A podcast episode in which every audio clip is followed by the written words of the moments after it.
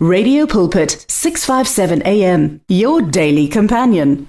Makabongwe uNkulunkulu wethu omuhle ngendlela engumangaliso akekho ongalinganiswa naye. Umi enguye izolo enguye namuhla enguye naphakade. Ngaleyo ndlela siyangena ngibingelele kuphi nakuphi lapho okufinyelela wona lo msakazo esiwuthanda kakhulu uradio pulpit umfundisi umkwena lo ohlezi naye. Kanti isihloko sethu sithi rekindling the lost love in your marriage. Siyambonga uNkulunkulu webangcwele kanti sisephansi kwesihlokwana esithi pray for your spouse.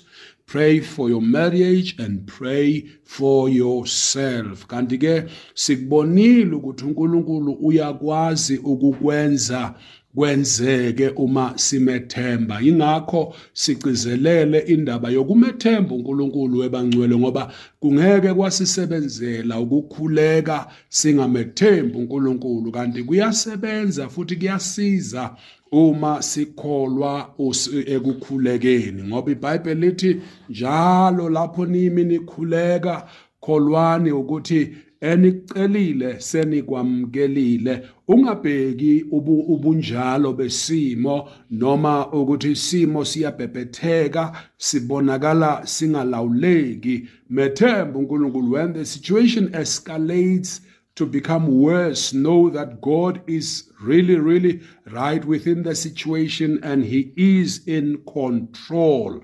Siyakhuleka ke bangcwele ngaphambi kokuthi siqhubeke. uNkulunkulu wethu omuhle siyakholwa ukuthi uyasithinta ezimweni zethu noma kubonakala sengathi ziya escalator azilawuleki. uNkulunkulu wethu omuhle sibonga ukuthi la khona wena khona isimo siyavama ukunyakaza. Kodwa uNkulunkulu ohleze emazulwini is in control of the situation. In the mighty name of Jesus Christ heal those who are lying on their sick beds. We pray for them no sickness. Nkulunkulu namandla has power against the name of jesus. We release the power. Touch them lord that they become healed instantly. We speak life. We speak life. We speak healing. We speak healing. We speak the power of deliverance over those who are bound.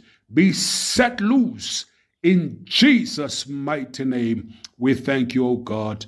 Amen and amen siyambonga ke bangcwele uNkulunkulu siyakholwa ukuthi nithintiwe. Noma umshado wakho ukwesiphi isimo kholwa ukuthi simi kanye nawe. Siyamthemba uNkulunkulu ukuthi usezwile futhi usephendulile.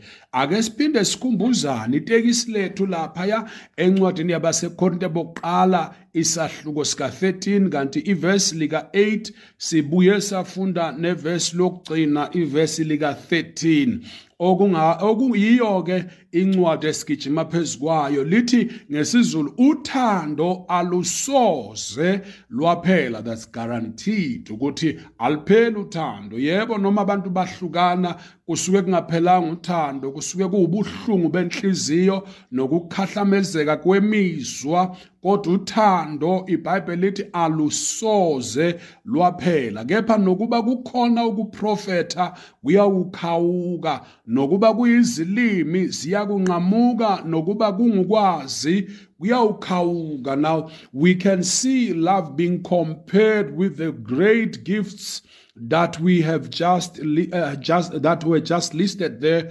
ukuthi the love is so powerful that even the gift of prophecy or prophecy itself cannot be comparable to the love because the love is God himself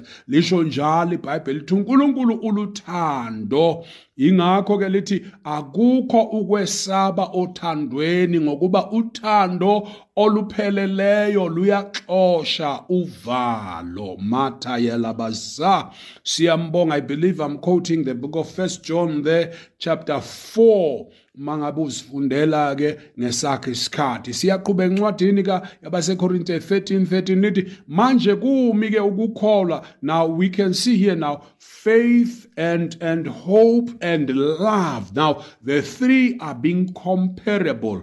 Now lithi ke kepha okukhulu kulokho luthando why love is the greatest of them all? Because there shall come a time where faith will cease working. There shall come a time where hope will cease working. But even in eternity, there would still be love. Love will still be operating because love is God Himself. So, in other words, sikhuluma lokhu bangcwele ukuthi vuselelekani you know ithemba lokuthi okufileyo kungavuka. Kusekhona ukuthi eh lezo lezo zimpi dinghutlhano tseo ka lapeng di ka fela ha fela re ka tshepa morena jesu. O tshepahetse ya tshepisitseng le bibele e re o itse lentsweng la hae a kekebe a re tlohela impa o tla ba le rona ka nako tsohle. So siyambonga kakhulu uNkulunkulu wethu webangcwele. Sishilo ke sathi iBhayibheli liyakugcizelela ukuthi uNkulunkulu uthanda abantu bahlale beshadile. uJesu usho njalo eh somewhere in the book of Matthew chapter 19 uthi babuza ukuthi kungani umose wasiyalela ukuthi masingasabafuni sibasayinele i-divorce decree. Uthi uJesu kungenxa yobulukhuni benhliziyo yenu and we know that a hardened heart lacks faith. So a hardened heart will never believe ma kunzima it gives up. That's why athi uJesu kungenxa yobulukhuni benhliziyo zenu sisemacourt namhlanje siyadivorce kungenxa yobulukhuni bezinhliziyo zethu. Ngoba ubulukhuni bethu buvumele ukuthi size sifike to the point where silimazana khona until a person felt ukuthi this is too much. If angiphumi kulesi simo i'm gonna die here.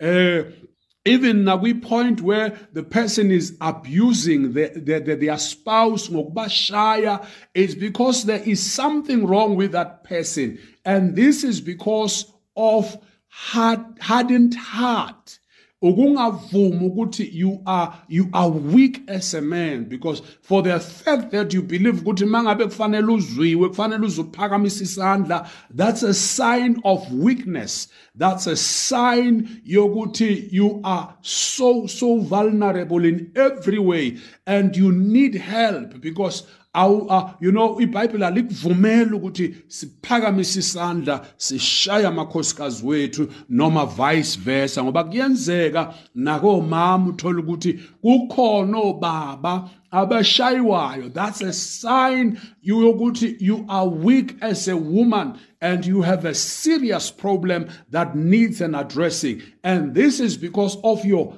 hardened heart. So we have to believe ukuthi konke okwenzeka uthi uJesu owabadala mawufunda incwadi kaMatthew chapter 19 uthi owabadala eqaleni wathi abangahlukani. Wathi mabanamathelane uthi usho njalo uNkulunkulu. So he's here to reprimand uJesu uthi I'm here to set the record straight. Mawufunda I think in the book of Matthew chapter 5 uthi angizanga ukuchitha kodwa ukugcwalisa umthetho. Now masikhuluma ngomthetho la asikhulumi ngemithetho yabantu sikhuluma ngomthetho kaNkuluNkulu owalotshwe encwadini kaExodus chapter 20 wanikezwa ibandla lonke lakwaIsrayeli. Asikhulumi ngamasiko ngoba amasiko izindlela zabantu. So we are talking here of what Jesus was actually saying based on the word of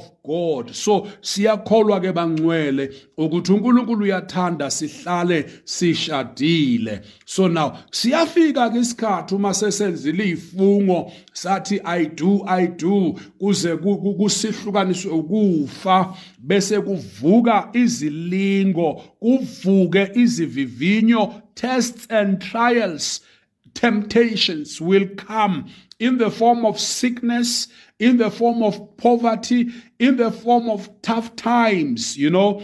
Uh, like I said, because yonke into there, there are seasons, just as kukhona, you know, i-winter, just as kukhona i-autumn, just as kukhona i-summer, just as kukhona ispring you know ngizithatha ngizibuyisele emuva ukuthi masisuka manje ku winter siya siya ku spring siya ku summer singene ku autumn so injalo nempilo nasemshadweni there are times where there will be summer times there will be winter times there will be autumns there will be spring times because it is what it is. Uh, eh angeke sihambe singanazo izimo that will test our love that will test our loyalty to each other that will test ukuthi kulama vows esiwayenzile did we mean what we were saying or we were just saying it because we were excited on the day?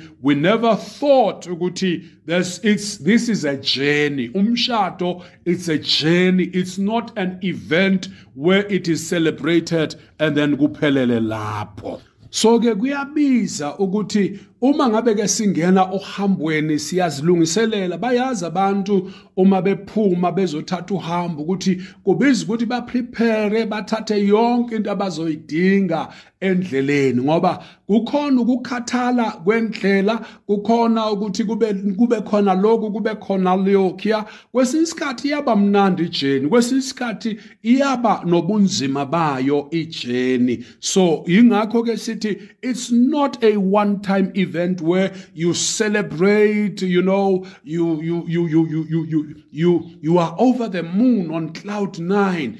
Uhambo lolu webangcwele esikulona yona and humble. Esiyolhamba kukuhle kuphela kodwa uhambo kwesinye isikhathi izinto ziyajika. Ingakho siyaye sibuke kule generation yanamuhla ukuthi we ingathi indaba yomshado izothanda ukuba likhunya inyana ngoba hey igenge yamanje ibheke kakhulu imali kanti kahlehle empilweni imali kwesinye isikhathi iyasilalelwa ishode endlini. Hayi ngoba mhlambe kungasetshenzwa. Bayazi abantu abasebenzayo ukuthi kuba nezinto uma kungena abantwana kungena izikole kungena impahla kungena yonke into kungena imoto kungena izindlu you, you talk about all those things.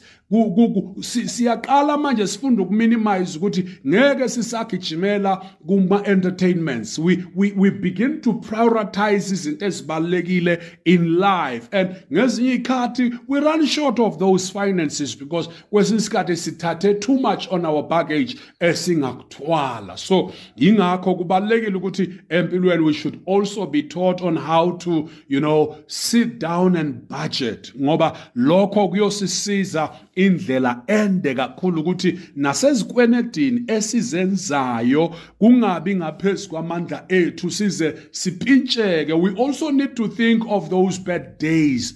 Ukuthi mawenza ikweletu remember kungenzeka ube nengozi uhlale 2 months ungasebenzi and then going back how will you recover? Those are some of the things that you need to learn empilweni ukuthi you don't make too much. Ukuthi no ukhulume ngeaffordability. Kufanele phezulu kweaffordability ube nokusalayo so that should kube khona izinto that could up you know put a setback on your lives you still are able to maintain your life even in the time where you have setbacks. Kungathi makuvuka ama setbacks uthole usupintshekile ngoba isimo singavumelani nawe. So ingakho ke sithi ama ama vows wethu ayatestwa ngokugula ngenhlupheko ngezikhathi ezinzima and we cry out to God. Sesikhalile he hears us ngoba uNkulunkulu uyalalela aphendule.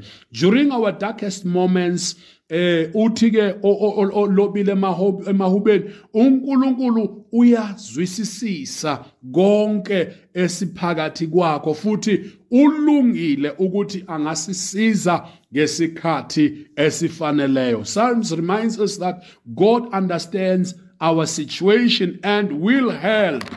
Will help during the hardest of times. Siyamkholwa kuNkulunkulu ukuthi ngempela uyasisiza ngempela uyasipha amandla wokuba simethembe noma ngabe isimo singavumi ngoba kuNkulunkulu konke kuye kuyenzeka. So the hardest times times may also have God's rewards. Kwesinye isikhathi ke siyangena ebunzimeni ukuze simbone uNkulunkulu. Siyangena emililweni ukuze sibone amandla kaNkulunkulu. Siyangena kuma storms ukuze sibone amandla kaNkulunkulu. Siyangena kwizikhukhula ukuze sibone amandla kaNkulunkulu. Kwesinye isikhathi ngeke simazi uNkulunkulu uma singenazo izilingo but ukuba khona kwezilingo kuvula ithuba lokuba simazi kangcono uNkulunkulu ukuthi ungubani uNkulunkulu wethu ungubani uNkulunkulu esimkhonzayo unguye onguye ungumavala ungumavula kuvaliwe ungumavala la kuvulwe khona ngoba akukho okumehlula uNkulunkulu. Uthi ke uIsaya encwadini yakhe 64 eh ivesi lika 4 nelika 5 elifundeka kanje uma ngabe silifunda. Lithi ke kusukela endulo abantu abezwanga abacoshanga nangendlebe futhi iso alibonanga uNkulunkulu ngaphandle kwakho osebenzela omhlalelayo. Oh my God. Wahlangabeza labo ababethokoza ngokwenza ukulunga labo abakukhumbulayo ezindleleni zakho. Wena wathi ukuthela thina sona sahlala kukho nasendulo siyakusindiswa na? Okay ithi ke la from this version engiyiphethe nothing like that had ever happened before. No eye had ever seen and no ear had ever heard such wonders. But you did them then for the sake of your people for those who trusted in you. You meet whoever tries with sincerity of purpose to do what you want to do justice and follow in your ways, but you became so angry when we rebelled and committed all sorts of wrongs. We have continued in our sins for a long time. So, how can we be saved? Only when we repent from our sins. Now, the, the most important part here that Isaiah is mentioning, he says, I believe he's actually relating what has happened in Egypt ukuthi for 430 years uIsrael wayephansi kobuqili ehlukunyezwa ehlushwa. Uthi ke wasehlela nkosi wenza izinto abantu abangakaze bezwa ngazo nabangakaze bazibona zenzeka bazibonile zenzeka. Nathi maIsrael sikufakazile sikubonile Nkosi uletha amathumba eGibhithe. Sikubonile uNkulunkulu wethu omuhle uletha ubumnyama. Sabona uphendula inile umfula uba yigazi. Sabona Nkosi uletha ama mosquito ukuthi azodla abantu. Sibonile so many things that we've never seen with our naked eyes in the history yomuntu. Selokhu umuntu wabakhona usibonise izinto ezinkulu kakhulu. So i love what he says here. Uthi you did them for the sake of your people wakwenza ngenxa yabantu bakho labo abakwethembayo. Because uIsrael wamethemba uNkulunkulu esegibhithe. And then lithi uthi la you meet whoever tries with sincerity of purpose to do what uyahlangabezana nomuntu ozimiselayo enhlizweni yakhe ukwenza lokhu okufunwa nguwe. And lithi ke to do lowo ozimisela ukwenza ukulunga ahambe ezindleleni zakho but now he says says when we were settled when we were settled because nasendleleni we have miraculously witnessed isandla sakho while sikwijeni eya eCanaan but once we settled sakhohlwa izindlela zakho. Sakushiya uNkulunkulu wethu senze okuthandwa yithi. Uthi ke now yini engasisiza? Because now uthi you became so angry when we rebelled. Even nasendleleni remember ukuthi abantu bake bafuna ukubuyela emuva. Remember ukuthi mabafika bafike mara they they tasted the bitter water and they were furious. Remember how people went on to test god in so many ways. The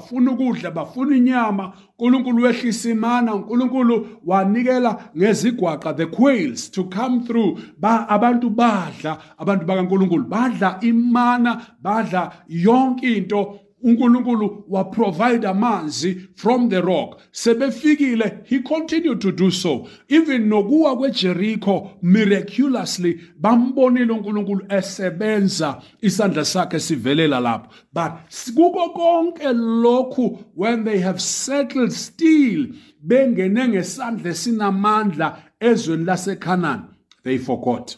They forgot they rebelled they continued to live in sin That's why Abu lo mbuzo ukuthi when we rebelled and committed all sorts of, of wrongs, we continued in our sins for a long time. So singasindiswa kanjani? Unless we repent. The answer is unless we repent because ukusindiswa kwethu kuvela ngokuphenduka kwethu bangcwele uma ngabe sihlele esonweni sona lithi uma sona akukho ukuthethelelwa unless we truly truly repent from our sins and and forsake izindlela zethu and start to pursue the righteous way. Asime lapha ke uNkulunkulu womusa asibusise. Fundisa umkwena uyanithanda nonke. Amen. The words of the Lord are words of life Your heart is on 657 AM. 657 AM. Radio for believers in action.